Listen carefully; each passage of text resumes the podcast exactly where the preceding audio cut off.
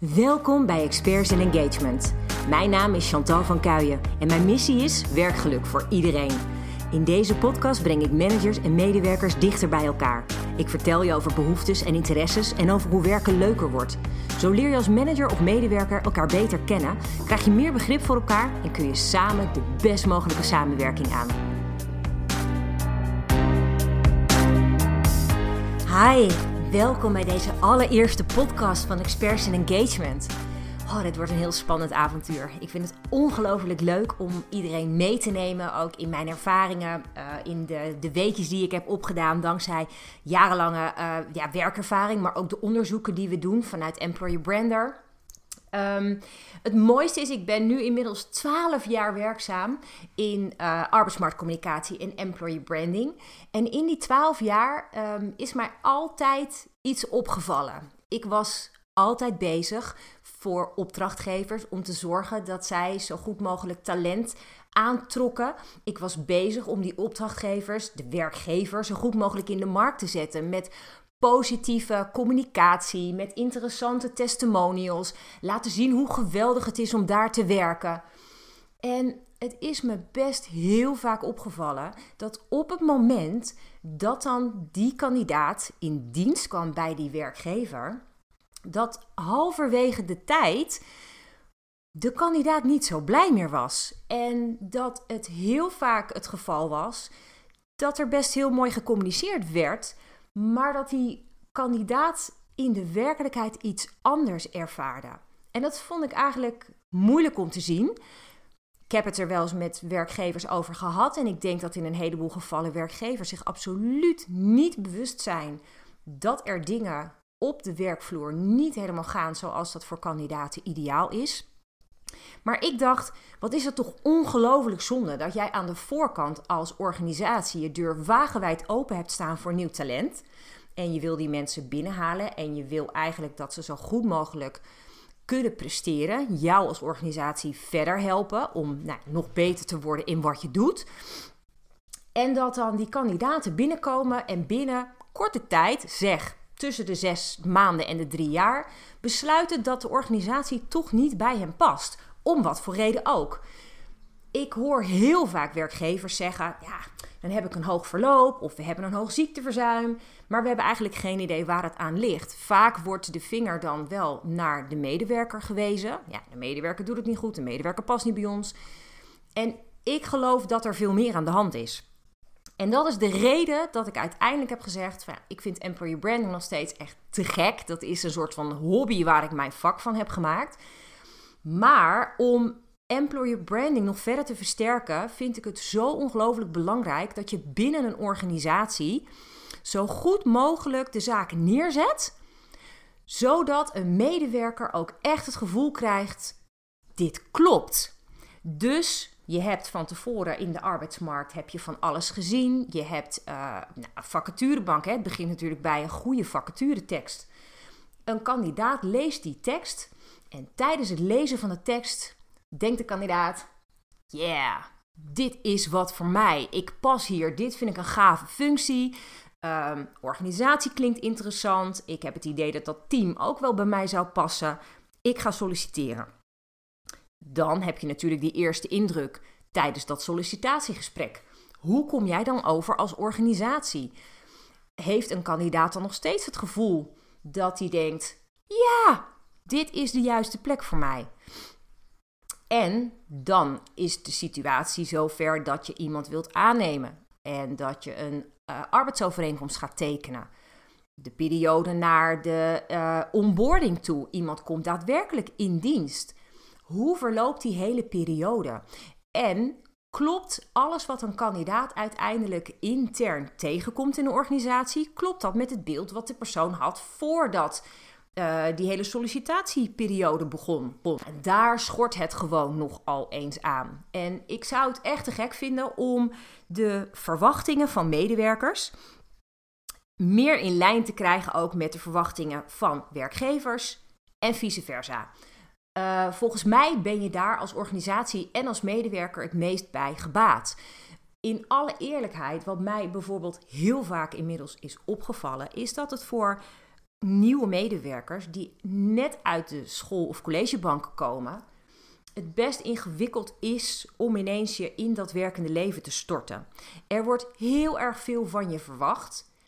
En voordat je begon met werken, had je geen idee wat er verwacht werd van je. Je had echt geen flauw idee wat je precies te wachten stond, met wat voor soort collega's je zou gaan werken, het exacte werk dat je zou gaan uitvoeren, de werkplek waar je op zou komen te zitten.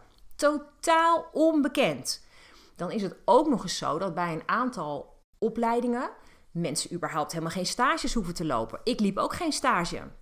Dus vanuit mijn opleiding, ik studeerde Nederlandse taal en letterkunde, dacht ik, ja, ehm, ik hoef geen stage te lopen. Ik wilde sowieso niet het onderwijs in, dus dat was voor mij al geen optie.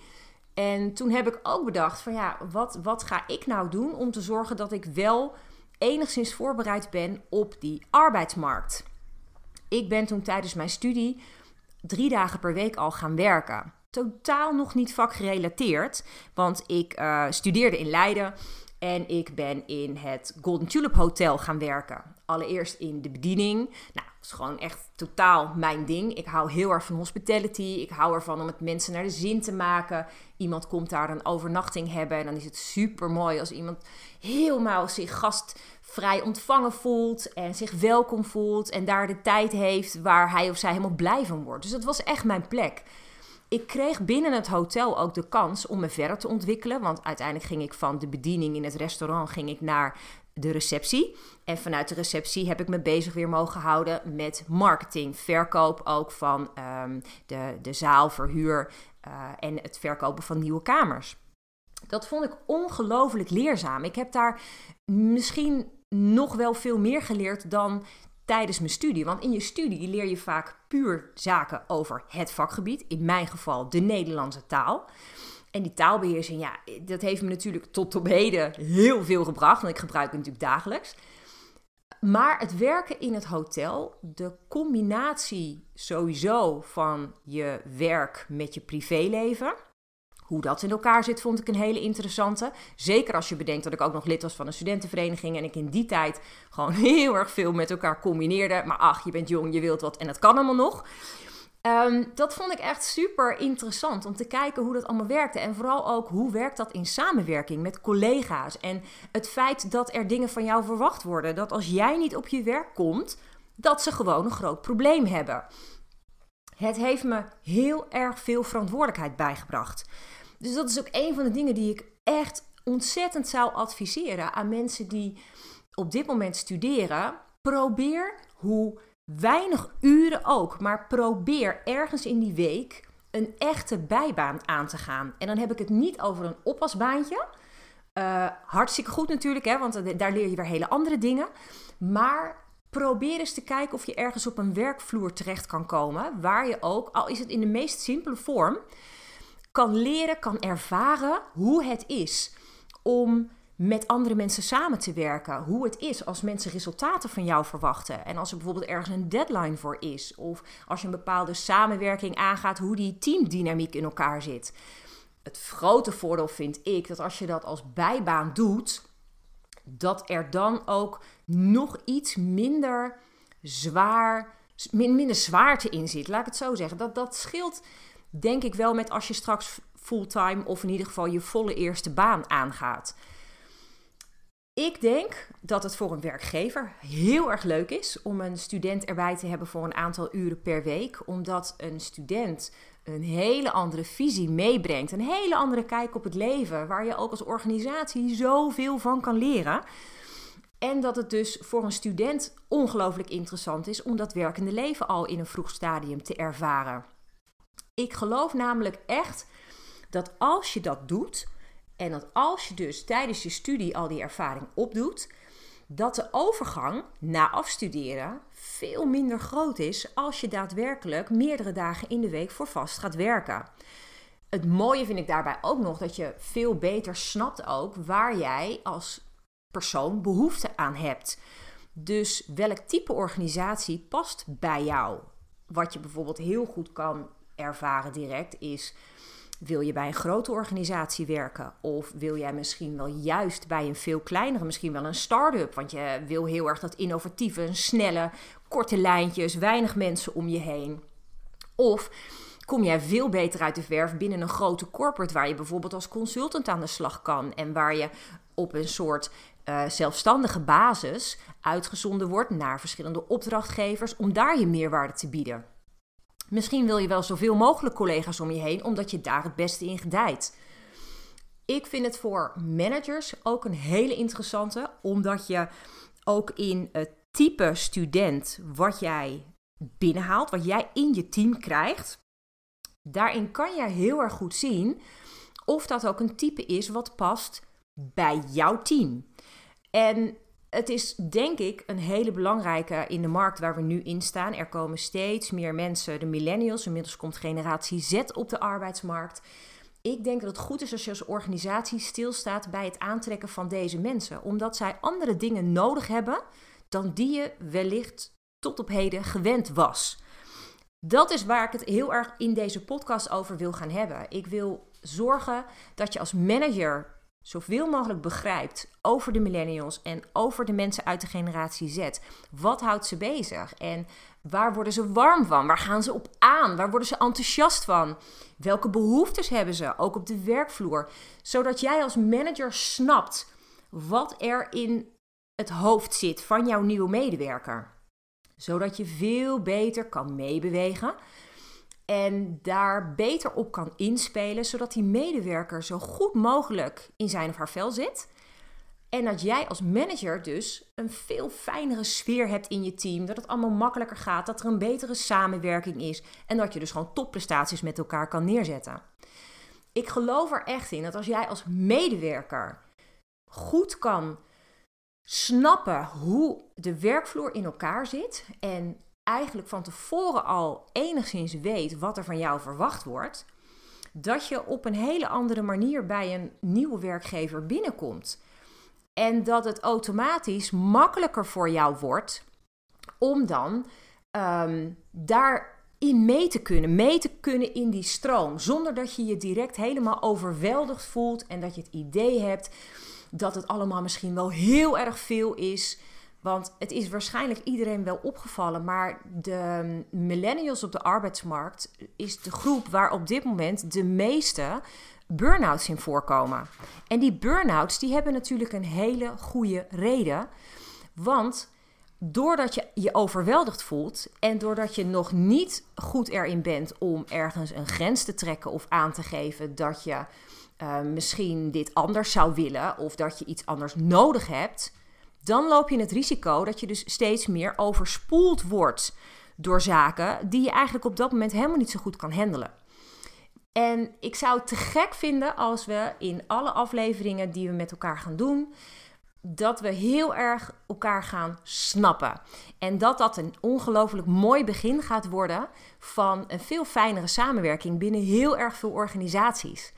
Dus ik zou het ook super gaaf vinden als mensen gewoon vragen bij me neerleggen of ervaringen bij me neerleggen. Gewoon delen. Waar loop jij nou tegenaan in jouw praktijk en waar zou je nou wel eens een tip voor willen?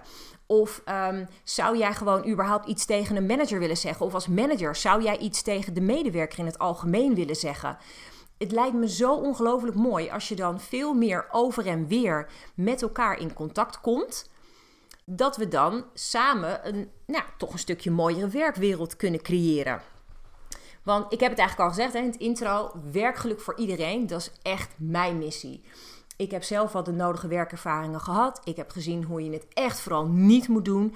En ik heb geweldige voorbeelden gehad van leidinggevenden zoals je het echt wel zou moeten doen. Mensen die mijn inspiratie waren. Waardoor ik ook zelf de leidinggevende ben geworden die ik nu ben.